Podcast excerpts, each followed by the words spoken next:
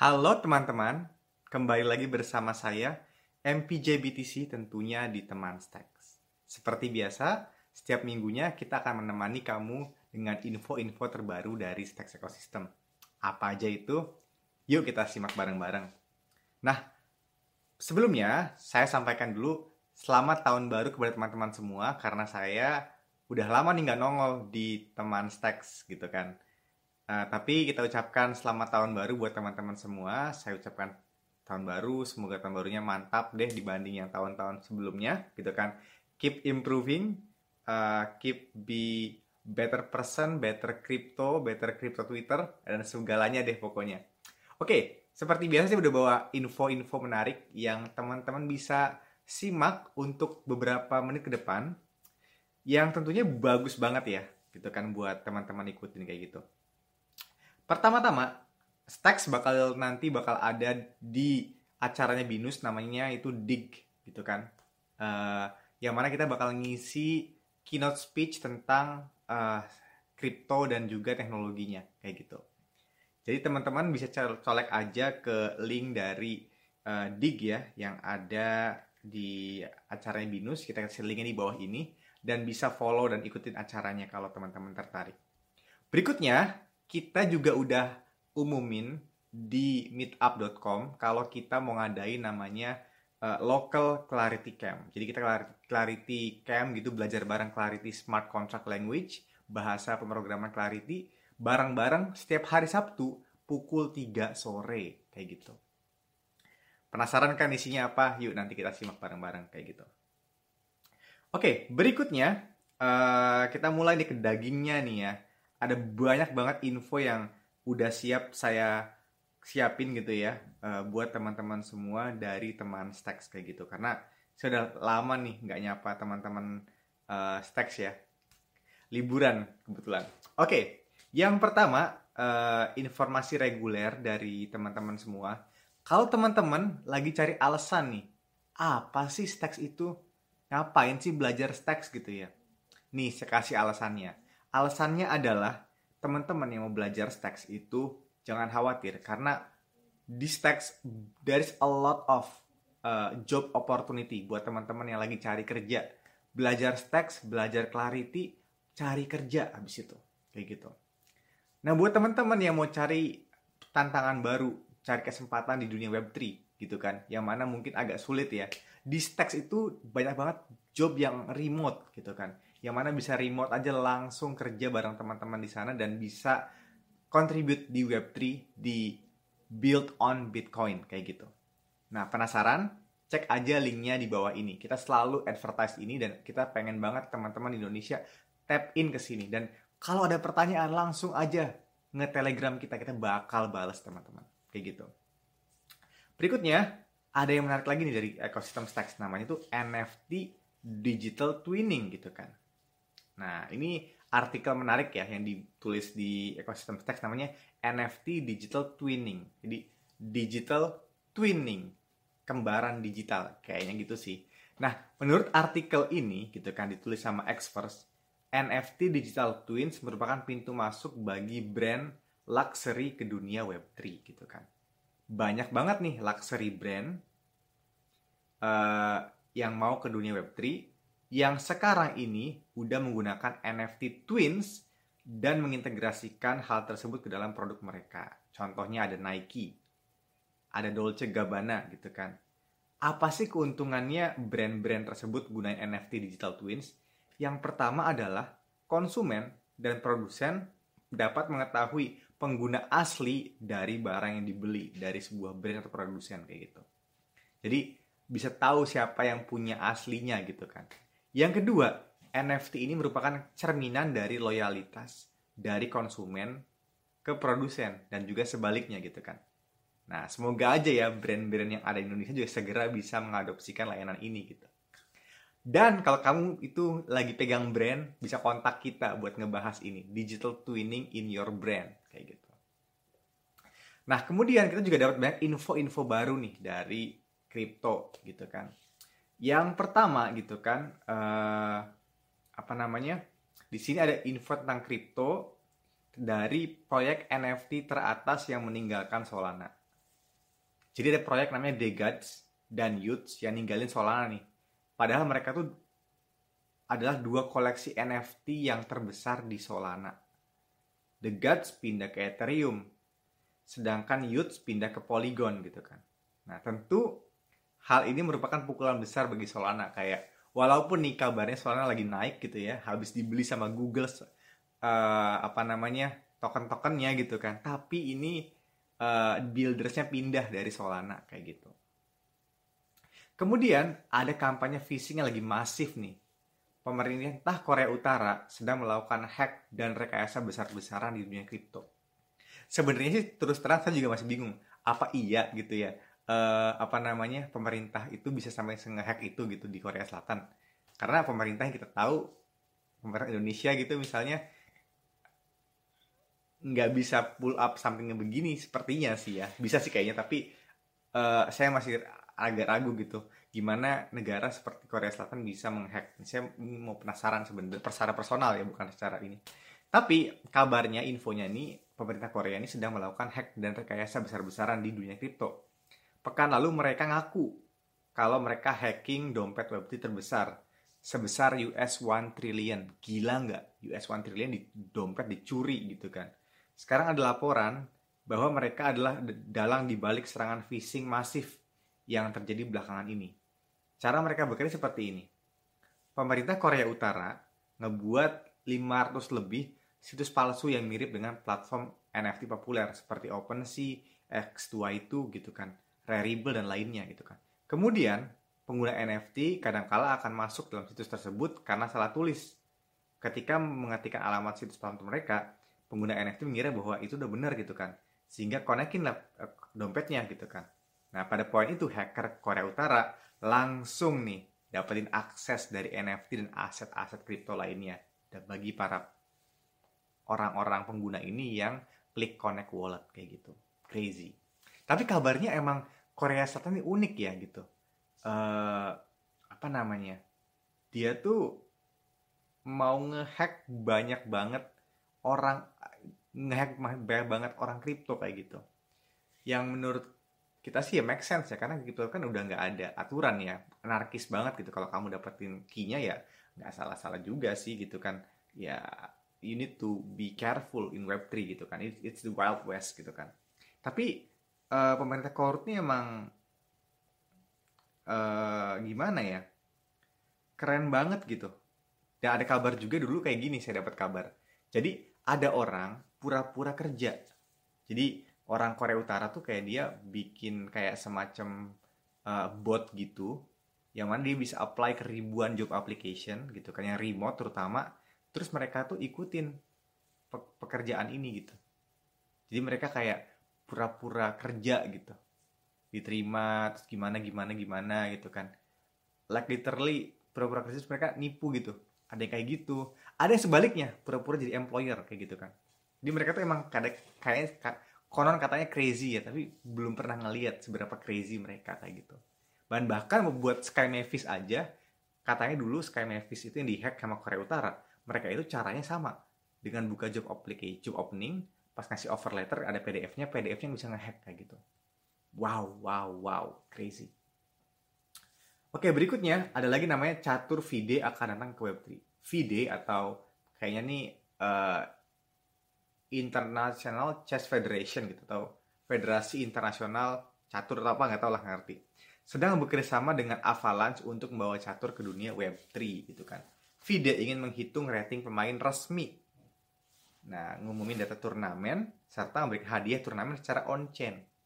Hal ini besar banget ya karena permasalahan dalam gym di Web3 ini bukanlah membawa gym tersebut ke Web3, melainkan membuat gym yang bagus di dunia Web3 gitu kan. Catur adalah permainan yang sejarah banget kan, sejarahnya panjang banget kan. Nah, dan penggemarnya banyak banget kan. Nah, kalau catur berhasil masuk ke dalam Web3, maka Web3 bakal boost to the moon. Kayaknya gitu sih. Tapi nggak tahu ya, kita harus lihat bareng-bareng ya. Harus with grain of salt gitu kan. Nah, berikutnya, triliuner triliuner kripto kehilangan besar di 2022. Pernah nggak sih lihat meme di Twitter kayak uh, SBF 32 billion, now zero. nah itu banyak banget bilioner kripto yang tiba-tiba hilang gitu. Eh, turun banget gitu kan net worth-nya gitu kan. On paper dia drop banget kayak gitu sih. Karena pas dia ukur tinggi banget pun itu on paper kayak gitu kan. Contohnya ada Chang Peng Chow, CZ Binance gitu kan. Yang turun banget ya dari 60 triliun US dollar menjadi uh, berapa gitu. SBF gitu kan uh, sorry Chang Peng Zhao menurun sebesar 60 triliun lebih katanya gitu kan US bukan triliun ya billion ya bener billion sih bener ya gitu kan. Kemudian disusul oleh SBF gitu kan dari 24 billion dollar gitu kan menjadi zero gitu kan. Nomor ketiga ada Brian Armstrong gitu kan si uh, eh, CEO-nya Coinbase. Dari 6 billion menjadi 1.5 billion dollar kayak gitu. Ya it depends gitu kan apa yang kita kamu uh, gimana apa ya ke apa namanya surat berharga apa yang mereka punya kayak gitu kan. Nah, kemudian lagi rame banget nih namanya DESO, Decentralized Social gitu kan. Sosial media dan DESO gitu kan. Sekarang sosial media benar-benar dikuasai oleh pemimpin yang sewenang-wenang. Bahkan Twitter sekalipun yang dulu digaungkan gitu kan akan berubah jadi lebih bebas, sekarang justru semakin lebih nggak bebas. Paul Graham pernah posting kebijakan alternatif untuk Twitter. Kemudian akunnya langsung disuspend oleh pihak Twitter. Hal ini nggak cuma terjadi di Twitter, di Facebook, Instagram, TikTok, Snapchat gitu kan. Semuanya kejadian juga nih. Nah, tersentralisasinya semua itu gitu kan. Uh, Bruce apa ya ngebuat apa ya orang-orang pengen munculin cara lain yang disebut sebagai decentralized social gitu kan.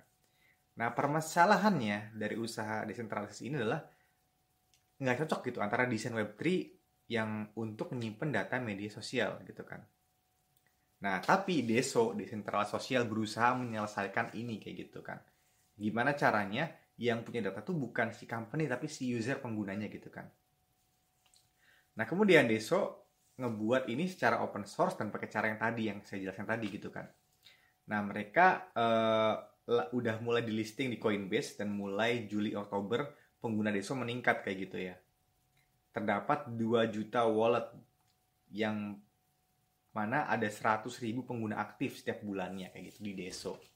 Saya watching banget sih Deso ini tapi belum pernah apa ya deep deeper gitu sih tapi kayaknya menarik nih buat di buat digali gitu kan. Maybe is it the next Instagram, Twitter? I don't know. Oke. Okay. Kemudian ada rame banget nih tentang kasus Mango Market. Mango Market itu pertukaran kripto terdesentralisasi di Solana dieksploit 100 juta dolar 100 million dollar kayak gitu ya di bulan Oktober. Abraham Eisenberg ngaku bahwa dia dan beberapa orang lainnya nemuin celah dalam desain Mango Market gitu kan. Kemudian dieksploit gitu kan. Secara ringkas mereka beli Mango gitu kan. Memaksa harga Mango naik. Kemudian setelah harga naik mereka langsung pinjam dan narik sebesar 100 juta gitu kan. Abraham janji akan ngembaliin sebagian uang tersebut dengan catatan tidak akan ada orang dari Mengo yang akan laporin dia ke FBI. Sialnya ada pihak FBI yang ngebaca tweet Abraham tersebut. Kemudian langsung ditangkap si Abraham ini. Dia ditangkap di Puerto Rico dan didakwa manipulasi komoditas dan manipulasi dan uh, penipuan komoditas kayak gitu. Gila, gila, gila, crazy. Kemudian ada info lagi, dompetnya Alameda aktif lagi. Kemarin kemarin itu dompet-dompet Alameda aktif dan tersambung ke berbagai akun milik SBF dan FTX di Solana, Lido dan Aptos. Kemudian koin yang ada di dompet tersebut ditukar menjadi ETH dan Tether gitu kan. Yang kemudian dibersihkan melalui mixer seperti Fixfloat dan Chance Now. Sehingga alamat asalnya sulit dilacak kayak gitu kan. Artinya siapa pun yang memindahkan koin milik SBF dan FTX berencana untuk menyembunyikan jejaknya. Crazy, crazy. Maskot Dogecoin terkena kanker. Kabuso, mas maskotnya Dogecoin yang berusia 17 tahun, 2 tahun lebih tua dari rata-rata manusia hidup anjing tersebut, sekarang didiagnosa mengidap kanker darah dan penyakit hati. Menurunnya nilai kripto tahun ini adalah hal yang menyedihkan serta berita tentang Kabuso ini membuat para penghuni dunia kripto ini makin sedih. Jadi dia udah mulai sedih gara-gara Kabuso sakit, sedih juga karena bear market kayak gitu. Kemudian info lagi nih, CEO-nya Trikoma ngakuin adanya kebocoran. CEO Trikomas ngaku adanya kebocoran keys-keys API mereka, jadi kunci-kunci API mereka. Sebelumnya ada banyak pengguna Trikoma yang ngelaporin kalau misal akunnya dihack gitu kan. Tapi CEO-nya justru nggak ngaku gitu loh, katanya gitu. Uh, kemudian akhirnya uh, mereka ngaku gitu kan. Sekarang ada 100 ribu lebih kunci-kunci atau keys API yang terhubung Trikomas yang bocor dan sekarang FBI sedang menyelidiki kasus tersebut. Crazy, decentralization, centralization nih kayak gini nih. Berikutnya, China meluncurkan pasar NFT. Nah, China nih yang terkenal sebagai anti-anti kripto, nah sekarang hendak meluncurkan NFT marketplace yang diberi nama China Digital Assets. Yang mana pada tanggal 1 Januari tahun ini sayangnya hanya yuan yang diterima pada NFT marketplace tersebut. Bitcoin nggak boleh, Ethereum nggak boleh, yuan, yuan, yuan. Crazy mereka. Kesimpulannya, sekarang Cina meluncurkan pasar NFT sekaligus masih melarang penggunaan kripto kayak gitu. Jadi agak aneh ya, mereka butuh NFT-nya tapi nggak butuh kriptonya gitu. Jadi unik sih ya. Tapi ada bagusnya juga sih karena mereka kan pengen pengen encourage their money gitu kan, yuan, yang mana uh, kalau bisa jadi sudah kayaknya ya jadi reserve currency dan dan gimana caranya bisa jadi kayak apa namanya kuat kayak gitu sih. But I don't know. Yuan ini agak posisinya agak gimana gimana gitu. Kemudian BMW juga akan menggunakan blockchain. BMW yang akan bekerjasama dengan BNB Blockchain dan CoinWeb untuk menghapuskan kompleksitas laporan pekerjaan dan administrasi sehingga membuat operasi harian lebih efisien. Jadi dipakai buat operasional kayaknya deh. BMW akan mengintegrasikan dengan teknologi blockchain dan otomasi gitu kan untuk masalah administrasi dan laporan finansial mereka kayak gitu kan. Nah, CoinWeb ini yang tadi partnernya itu yang bakal ngebantu gitu kan BMW untuk menciptakan program loyalitas penggalangan baru. Ya gitu sih biasanya kalau misalnya NFT itu loyalitas, loyalitas loyalty program gitu sih biasanya gitu sih. Hal ini sebenarnya bukan hal yang baru ya di, di dunia otomotif karena Alfa Romeo juga udah ngelakuin hal yang sama.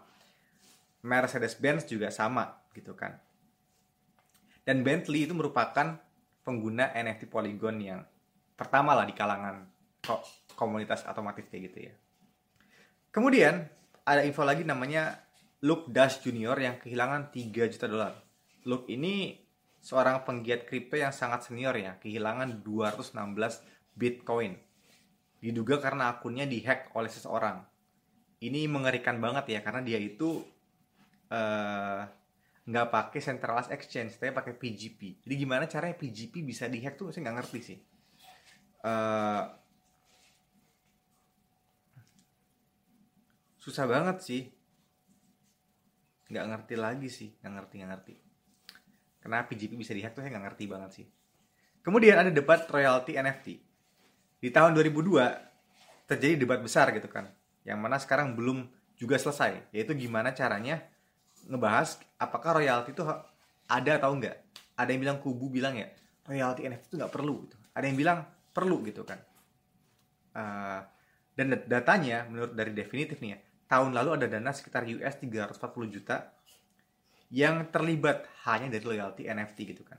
Semakin banyak royalti maka semakin makmur pencipta NFT gitu kan semakin sedikit royalti maka semakin banyak uang untuk para trader. Nah, perkembangan tentang topik ini tuh masih dibahas lebih lanjut ya gimana cara solusinya gitu karena ini pilihan sulit gitu kan. Kita mau mau reward si creators tapi at the same time kita juga pengen apa ya uh, imbang gitu antara yang orang yang jual belinya juga kayak gitu kan. Kemudian ada lagi Cameron versus Berry gitu kan. Cameron Winkle Winklevoss gitu kan dan Gemini gitu kan mentweet sebuah surat terbuka untuk Barry Silbert, CEO dari DCG dan Genesis. Hal ini berawal dari Genesis yang menahan penarikan karena permasalahan liquidity, sehingga Gemini harus menahan program earn-nya. Kemudian sebanyak nih 340 ribu uh, pengguna telah dikunci gitu kan, yang menyebabkan pembukuan aset kripto yang hampir 1 billion dollar, sekitar 900 juta dolar kayak gitu kan. Cameron mengaku bahwa dia ingin dapatkan jawaban dari Genesis selama 6 bulan, 6 pekan sorry, 6 bulan. Nah, namun belum dapat jawaban kayak gitu kan. Atas hal ini, Barry ngebalas tweet tersebut. sehingga terjadilah perang dalam Twitter, perang Twitter, Twitter war. Akhirnya Cameron mengultimatum Barry untuk mengurusi permasalahan ini sehingga batas akhir 8 Januari 2023. Kalau enggak, bawa ke pengadilan. Ya enak sih. Kripto tuh karena masih muda kita rame sama pengadilan-pengadilan ya, seru banget ya. Dan yang baru lagi adalah info diskusi debat yang uh, Coffee Zilla sama Logan Paul. Pernah denger nggak? Jadi uh, Coffee Zilla si orang yang suka ngebongkar-bongkar uh, apa namanya uh, fake guru gitu-gitu, dia juga ngebongkar tentang uh, yang apa ya project yang allegedly yang diduga gitu kan scam yang dibuat sama Logan Paul gitu kan mereka rame banget gitu kan perang-perang video perang-perang tweet gitu kan bahkan uh, sampai ada Logan Paulnya coba kayak ngefollow Coffeezilla gitu kan di Patreonnya Coffeezillanya ngerifan uangnya. Kemudian uh, mau Logan Paul mau coba nuntut terus Coffeezillanya malah uh, apa namanya bila malah apa namanya malah lebih ganas lagi gitu kan. Akhirnya mereka nggak jadi nuntut akhirnya mereka ngaku. Ya ribet banget lah ribet banget. Kemarin nonton aja langsung di Coffeezilla kalau mau lihat uh, masalahnya. Tapi buat imbang lihat juga uh, apa namanya komen-komen dari Logan Paulnya langsung kayak gitu.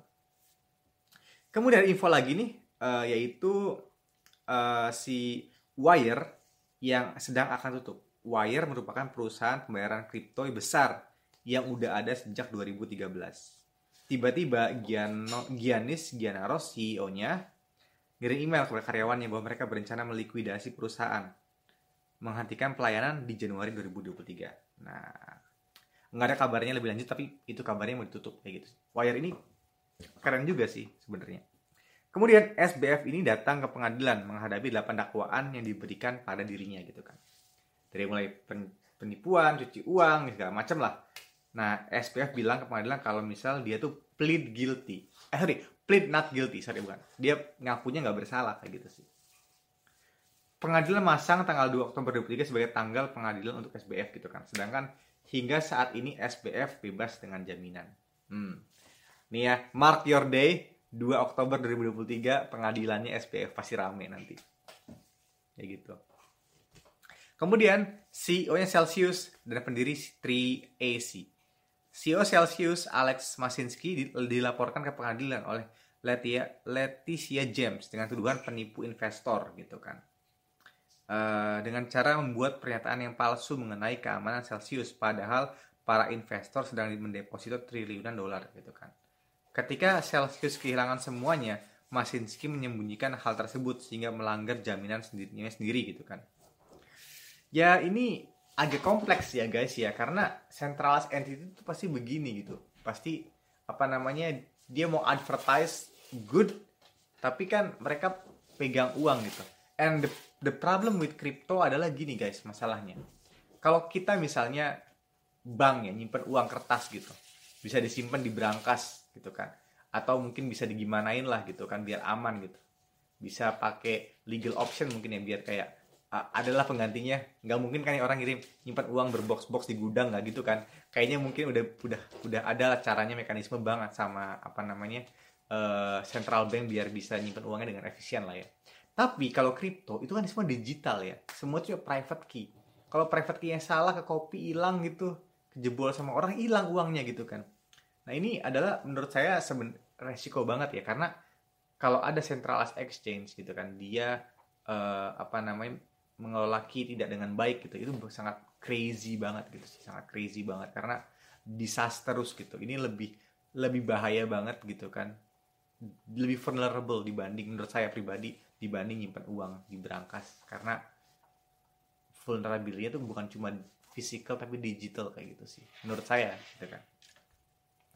Oke jadi ya kalau misalnya Binance atau apa nih eh, Celsius ya Celsius dia punya masalah dituduh kayak gitu ini juga bakal jadi peringatan juga buat berikut-berikutnya gitu kan buat exchanges berikutnya kan. Gimana caranya mereka bisa mengamankan semua semua hal itu. Karena namanya jagain kripto di jaringan blockchain itu berbahaya banget ya karena yang ngebug itu bisa aja jaringan blockchainnya gitu bisa jadi gitu kan yang ngebug bisa aja softwarenya bisa aja dihack bisa aja salah mismanagement jadi kehack kayak gitu Anyway, a lot of things kayak gitu kan.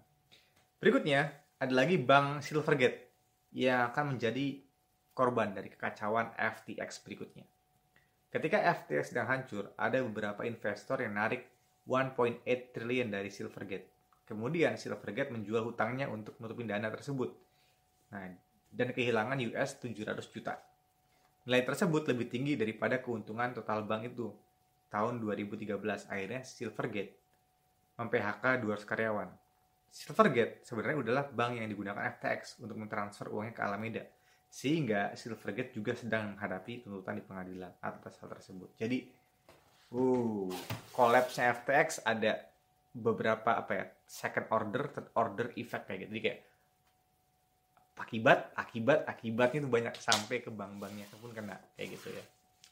Uh, untungnya Stacks Indonesia nggak punya exposure ke FTX dan juga Stacks pun kalau nggak salah nggak Stacks Foundation ya nggak punya exposure ke FTX termasuk kayaknya hero juga sih nggak punya ke sana tapi double check oke menurut saya ini hal yang menarik banget ya di beberapa minggu ini karena selain ada bahasan kripto gitu kan di kripto Twitter lagi banyak migrasi besar developers Web3 pindah ke developers AI karena lagi ramai banget chat GPT yang belum coba chat GPT silahkan coba chat GPT itu keren banget uh, karena apa ya menurut saya sih Web3 itu bukan cuma soal kripto tapi juga adalah hal-hal baru ya di dunia web gitu kan seperti mixed reality yang Apple katanya mau ngeluarin gitu kan. Ada juga uh, chat GPT yang mana ngebantu kita ngebikin a lot of things jadi mudah kayak gitu kan. Dan juga bahkan ada crypto yang jadi bikin ownership itu lebih gampang kayak gitu sih. Dan saya udah mengalami banget ya kalau misalnya crypto tuh bikin banget gampang banget ya kita transfer gampang segala macam gampang. Tapi again dari risk dari resiko. Apalagi kalau semua everything that we have is going digital. Our cars become becomes digital, our motors become digital, our uh, we have computer, we have all of things. Bahkan AC juga sekarang digital gitu kan, AC, lampu gitu kan. It's it's crazy gitu kan. Jadi uh, dengan begitu tuh sebenarnya uh, adalah single point of failure ya kalau ada kata orang software tuh kayak satu titik yang kelemahan yang single point gitu. Yang mana siapa tahu nanti ada orang yang bisa ngehack listrik sekali jepret mati semua gitu kan jadi jadi crazy sih crazy a lot of uh, things in this uh, space kayak gitu ya. Jadi tapi sangat menarik ya karena uh, dengan adanya AI segala macam ini ngebuat hidup jadi lebih lebih efisien lebih lebih nyaman lah gitu kan. But seperti biasa kita harus cek satu persatu. Dan tentunya uh, kita juga dari Stacks akan terus ngebahas tentang hal-hal baru dari crypto dan juga Web3 kalau teman-teman suka, subscribe. Kalau belum subscribe, kalau mau cari tahu ada video-video singkat dari Stack, follow di YouTube-nya kita. Dan kalau misal teman-teman pengen baca tulisan-tulisan kita yang baru, buka aja stacksnesia.id. Dan kalau teman-teman butuh teman ngobrol tentang kripto, langsung masuk aja di Stacks Indonesia. Itu bakal seru-seru banget kayak gitu. Oke, itu ya teman-teman. Kita ketemu lagi di minggu depan. Terima kasih.